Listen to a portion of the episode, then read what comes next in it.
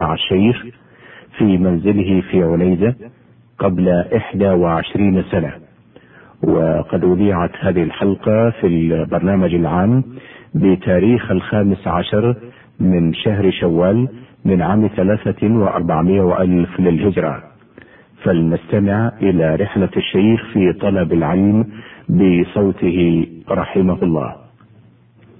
شكرا لكم على إتاحة هذه الفرصة. ولا سيما وقد حضرتم إلى بيتنا ضيوفا علينا فمرحبا بكم وأهلا ونسأل الله لنا ولكم التوفيق. آمين. فضيلة الشيخ محمد الصالح العثيمين من أبناء عنيزة ومن علماء المملكة. لكم تاريخكم المعروف ونريد أن نكون معكم لنتعرف على العلماء وعلى الشخصيات وعلى المشايخ الذين مروا في حياتكم وأثروا عليكم وخاصة منذ بداية حياتكم منذ نشأتكم الأولى منذ بداية وعيكم منذ تفتحكم. فلنبدأ مع المرحلة الأولى. الحمد لله. آه، أنا كغيري من أبناء هذا البلد. في زمن الصغر كان الناس يقرؤون على مدرسين في الكتاب على الطراز الأول. وقد حفظت القرآن قراءة على جدي. أبي والدتي رحمه الله رحمه الله ما اسمه؟ اسمه عبد الرحمن بن سليمان آل دامغ من عنيزة. من عنيزة. وقد نزح إليها من دورة سدير. وبعد أن أنهيت هذه القراءة انتقلت إلى مدرسة أخرى. هي أيضا يدرس فيها ابن عم جدي رحمه الله واسمه عبد العزيز بن صالح بن دامر يدرس فيها القرآن وشيئا من الأدب وشيئا من علم الحساب. نعم. وبقيت هناك حتى أدركت منها ما شاء الله. ثم بدأ لي أن أقرأ القرآن عن ظهر قلب فدخلت مدرسة يدرس فيها علي العبد الله الشيتان أحد المدرسين في عنيزة نعم دعمك وحفظت القرآن فيها عن ظهر قلب. وكان أنا عمرك؟ حوالي أحد عشر سنة في ذلك الوقت. أحد عشرة سنة. أحد عشر سنة. نعم. ثم إني بدا لي وبتوجيه من والدي رحمه الله عليه رحمة الله. أن أرتقي إلى مدرسة أعلى وهي المدرسة التي في الجامع الكبير تحت رعاية شيخنا الكبير عبد الرحمن بن ناصر بن سعدي رحمه الله. نعم. وكان هذا الشيخ له شهرته في علمه ومصنفاته وربما نذكر عنه شيئا بعد. لكنه رحمه الله كان يدرس الطلبة الكبار وقد جعل رجلين من الطلبة يعلمان المبتدئين أحدهما الشيخ محمد بن عبد العزيز المطوع وكان هو شيخي الذي تلقيت عليه أول علمي. والثاني الشيخ علي بن حمد الصالحي. دخلت المدرسة أو بالأصح انتظمت في سلك طلبة العلم عند شيخي الأول محمد بن عبد العزيز المطوع رحمه الله. عليه رحمة الله. وعليه رحمة الله. وكان جيدا في علم العربية. أدركت منه كثيرا. وكذلك أيضا كان يدرسنا مختصر العقيدة الواسطية من تأليف شيخنا عبد الرحمن بن ناصر آل سعدي ويدرسنا أيضا منهج السالكين في الفقه لشيخنا المذكور عبد الرحمن بن ناصر السعدي بعد هذه المرحلة كم كان عمرك في تلك المرحلة فضيلة الشيخ محمد؟ في ظني أن أن عمري ستة عشر سنة أو سبعة عشر سنة. ما شاء الله. لأني بقيت في حفظ القرآن غيبا حوالي ثلاث سنوات. نعم. ثم إني انتقلت إلى الجلوس في حلقة شيخنا عبد الرحمن بن ناصر بن سعدي رحمه الله. وهو الذي أدركت عليه العلم كثيرا. لأنه رحمه الله له طريقة خاصة في تدريسه وهو أنه يجمع الطلبة. نعم. وهو أنه يجمع الطلبة على كتاب واحد. نعم. ثم يقوم بشرحه. ما هي المادة؟ أي مادة كانت؟ أية أية. أية مادة كانت؟ حتى أحيانا رحمه الله نقرأ عليه في التفسير فيفسر لنا القرآن الكريم. ما يعتمد على أي كتاب آخر. يفسره ويحلل ألفاظه ويستنبط ما يستنبط منه من فوائد. درسنا عليه رحمه الله وكان مركز دروسنا عليه في فن الفقه وقواعده وأصوله. وقد حصلنا ولله الحمد منه شيئا كثيرا. بالإضافة إلى ذلك كان يدرسنا في التوحيد أيضا ويدرسنا في النحو. وبقينا على هذا مدة معه رحمه الله. رحمه الله. وفي الحقيقة أن له علي فضلا كبيرا من الله سبحانه وتعالى. ذكر لي أن والدي رحمه الله وكان في الرياض أول ما بدأ التطور في الرياض. أحب والدي أن أنضم إليه هناك. ولكن شيخنا رحمه الله عبد الرحمن بن سعدي كتب إليه يقول دعوا لنا هذا يكون من نصيبنا. هذا الولد يكون من نصيبنا. فجزاه الله عني خيرا. وكانت هذه هي رغبتك في نفس الوقت. أي نعم هي رغبتي. فبقيت عنده مدة ثم انقطعت عن الدراسة. لماذا؟ لأنه حصل عند الناس نشاط في في الأ- في الأراضي في عمارتها في الغرس في نعم. مكان يقال له الوادي. وكنا نحن من الذين اشتغلوا في ذلك المدة. نعم. ولكن الله سبحانه وتعالى من بفضله فعدنا إلى الدراسة على الشيخ رحمه الله. عليه رحمة الله.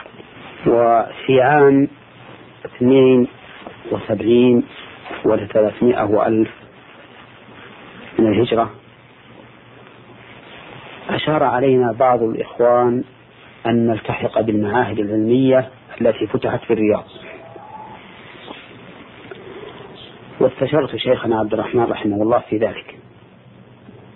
وأشار علي أن أن أدرس فيها. في هذه المرة وافق على ذلك. على ذهابي لأنني سأذهب إلى علم. إلى طلب العلم في في الرياض. في المعاهد العلمية. وفعلا ذهبت إلى هناك. ودرست في المعهد واتصلت بشيخنا الثاني عبد العزيز بن عبد الله بن باز وكان لي عليه دروس في بيته. نعم. خاصة وكذلك أيضا في المسجد. قرأنا عليه في علم الحديث. نعم. لأنه كان وفقه الله وأمد في حياته على خير الإسلام والمسلمين. آمين. كان له إلمام كبير في علم الحديث ورغبة أكيدة وفتح لنا جزاه الله خيرا أبوابا جيدة في هذا الموضوع. فقرأنا عليه من صحيح البخاري وقرأنا عليه أيضا في مقدمة التفسير لشيخ الإسلام ابن تيمية. ولا يحضرني الآن كل ما قرأت عليه. المهم أنني انتفعت بقراءتي عليه من حيث التوجيه والانتقال من العكوف على الكتب الفقهية وتمحيص الأقوال وتلخيصها انتقلت من هذه المرحلة إلى مرحلة الحديث. ولست من الذين يصح أن ينسبوا إلى علم الحديث ولكني اتجهت إلى علم الحديث. هل كان لفضيلة الشيخ عبد العزيز بن عبد الله بن باز تأثير مباشر عليك في أنك تتجه و لعلم الحديث؟ أم هناك أناس آخرين علماء آخرين؟ لا على كل حال ما ما اتصلت بغيره في الرياض ما اتصلت بغيره نعم ما اتصلت وكان الأثر المباشر من الشيخ نفسه نعم. وأيضا الإنسان إذا تذوق العلم وعرف فائدته نعم. يكون له حافظ. يكون له حافظ من نفسه. نعم. بقيت في الرياض إلى سنة 73 ثم رجعت إلى عنيزة ماذا أتممت في هذه الفترة فضيلة الشيخ محمد؟ أتمنى أن الدراسة في المعهد لأننا دراسة بدأ المعهد. لأننا بدأنا من السنة الثانية. من السنة الثانية. وفي ذلك الوقت كان نظام القفز أن الطالب يدرس نعم. في الفترة الصيفية دروس السنة المستقبلة ثم يمتحن فيها في الدور الثاني نعم. ويرتقي إلى السنة الثالثة. فأنا قفزت آه، يعني قرأت في الثانية وخرجت منها طبيعيا ثم قفزت وأدركت الثالثة. ثم أخذت الرابعة ما شاء الله. في سنة 74 بالانتساب. بعد لأن المعهد العلمي كان قد فتح بعونز. وكان محتاجا إلى المدرسين. نعم. فرجعت في عام 74 نعم طبعا. إلى عنيزة وابتدأت التدريس في معهد عنيزة من عام 1400 من عام 1374 وأخذت السنة الرابعة بعد ذلك في بالانتساب نعم. وبقيت هكذا منتسبا حتى أكملت ولله الحمد. آه، كلية الشريعة. بالانتساب بالانتساب وما بقيت هكذا. ولما توفي شيخنا رحمه الله في عام 76 من؟ شيخنا عبد الرحمن بن ناصر بن سعدي نعم عليه رحمة الله. توفي في عام 4 آه، 76 في جمادى الآخرة. كان شيخنا الأول محمد بن عبد العزيز المطوع كان قاضيا في هذا البلد في بلد عنيزة فرأى هو وأميرها في ذلك الوقت أن أتولى إمامة الجامع الكبير في عنيزة فجعل لي ولاية الإمامة في هذا المسجد. الكبير. و- نعم وتوليت الخطابة فيه في الجمعة الثانية بعد موت شيخنا رحمه الله. وما زلت حتى الآن في هذا المسجد والحمد لله رب العالمين وأسأل الله أن يوفقني إلى الصواب والهداية آمين إن شاء الله. بقيت مدرسا في معهد عنيزة ولما افتتح فرع الجامعة في قصيم آه، صرت أدرس فيها في السنة الثانية من فتحها من من فتحها. جامعة جامعة محمد. الإمام محمد بن سعود. درست فيها أول سنة على ملاك المعهد في أي مادة تعلمك درست فيها أول سنة في مادة التفسير. نعم. وكنت على ملاك المعهد نعم. ثم آه، صرت فيها مدرسا رسميا. وبعد أو صار عندي تدريس في التوحيد وتدريس في الفقه. وما زال عندي الآن التدريس في- مادة الفقه. نعم. في السنة الثانية والثالثة والرابعة من كل أصول الدين. نعم. أعطاكم الله العافية والصحة. آمين. آه، ننتقل الآن إلى مرحلة التأليف. آه، نريد أن نعرف عندما بدأت أيضا آه، تتجه إلى التأليف وإعطاء هذه العلوم وما اختزنته أثناء دراستك وأثناء طلبك للعلم وما أخذته من العلماء والمشايخ وما تلقيته منهم. ثم من خلال ما اجتهدت فيه عكسته في تأليفات أو في مؤلفات وفي كتب. نريد أن نأخذ فكرة مع المستمع الكريم عن هذه الكتب وعن هذه المؤلفات وعن موادها وعن محتوياتها. أولا أن من ألف فقد استهدف ولكن الذي شجعني على التأليف أمران. أحدهما أن المؤلف يحرص غاية الحرص على أن يتعمق في المادة التي يريد التأليف فيها. وهذه فائدة عظيمة للمؤلف. نعم نعم ما في شك. أضف إلى ذلك أنه إذا تعمق فيها وقيد ما تعمق به في هذه المؤلفات فستمكث في نفسه أكثر. الأمر الثاني مما شجعني على التأليف أنه في حياة شيخنا عبد الرحمن بن سعد رحمه الله. كنا نقرأ عليه في العقيدة الواسطية لشيخ الإسلام ابن تيمية. وكنت أكتب كطالب أكتب عليها شرحا للآيات وللأحاديث ولكلام شيخ الإسلام ابن تيمية. وأظن أنني كتبت أربعة دفاتر نعم. على هذا ولكني ما كملتها. إلا أنني إذا كتبت شيئا عرضته على شيخ عبد الرحمن رحمه الله وكان يشجعني على ذلك كثيرا. ويأمرني بأن أستمر ويرغبني في هذا.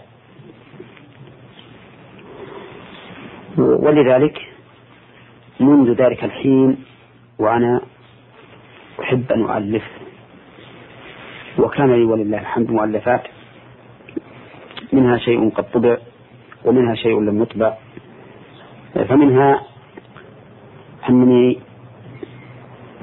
شرعت في تفسير آيات الإحكام واستنباط الأحكام منها. لا على سبيل النقل كما يفعله بعض الناس ولكن على سبيل الاستنباط أولا لأن الذي ينبغي للمستدل بالكتاب والسنة أن لا يعتمد على غيره فيما يستنبط بل أن يستنبط أولا بنفسه. ثم بعد ذلك يعرض ما استنبطه على ما استخرجه غيره من هذه الآيات والأحاديث. نعم. من أجل أن يكون مبدعا لا متبعا. نعم. والإنسان إذا قصر نفسه على اتباع غيره فإنه يجمد ذهنه. نعم. ولا يستفيد من نصوص الكتاب والسنة. نعم طبعا. ولذلك أنا أدعو إخواني من أهل العلم أن يكون دائما الأصل الذي يبنون عليه هو الكتاب والسنة والتحرر في الأفكار لكن بل الأصح التحرر في التفكير. نعم. وجعل الفكر تابعا لما دل عليه الكتاب والسنة حتى يكون الإنسان متحررا حقيقة. نعم. وأن يعتمد على نفسه ثم- ثم بعد ذلك يعرض ما بدا له على ما استنبطه أهل العلم فلعله يجد خطأ فيما استنبط فيوفق للرجوع إليه. فكان لي همة في ذلك وفعلا كتبت في بعض الدفاتر عندي شيئا من هذا من آيات الأحكام بدأت من آية البقرة استنبطت أظن من آية القصاص أكثر من 21 مسألة فائدة. ولكن حصلت مشاغل كثيرة ولم أتمكن من إتمامه ثم كان لي شروح على العقيدة الوسطية وللآن لم تتم وإلى الآن ما أتممت ما أتممته الله يقويك الله ييسر. كان لي تعليقات شروح على العقيدة الوسطية لأني كنت أدرسها في المعهد وعلى كتاب لمعة الاعتقاد. لأني درسته أيضا. تعليق على لمعة الاعتقاد مطول تعليق مختصر. نعم. كذلك أيضا صدرت في كتاب؟ لا لكنها مطبوعة في السلسل وكان الطلبة ينتفعون بها. ما تزال يعني كمخطوطة دعنا نقول. نعم نعم كمخطوطة. كذلك كان لي تأليف في المصطلح تأليف مختصر في المصطلح درسه الطلبة. وتأليف مطول أطول منه درسه الطلبة أيضا. حرصت فيه على آه، التبويب والتقسيم والإيضاح بالأمثلة لأن ذلك مهم جدا في نظري لا سيما بالنسبة للمصطلح. كان لي أيضا تأليف في أصول الفقه كتاب مختصر واسمه الأصول من علم الأصول.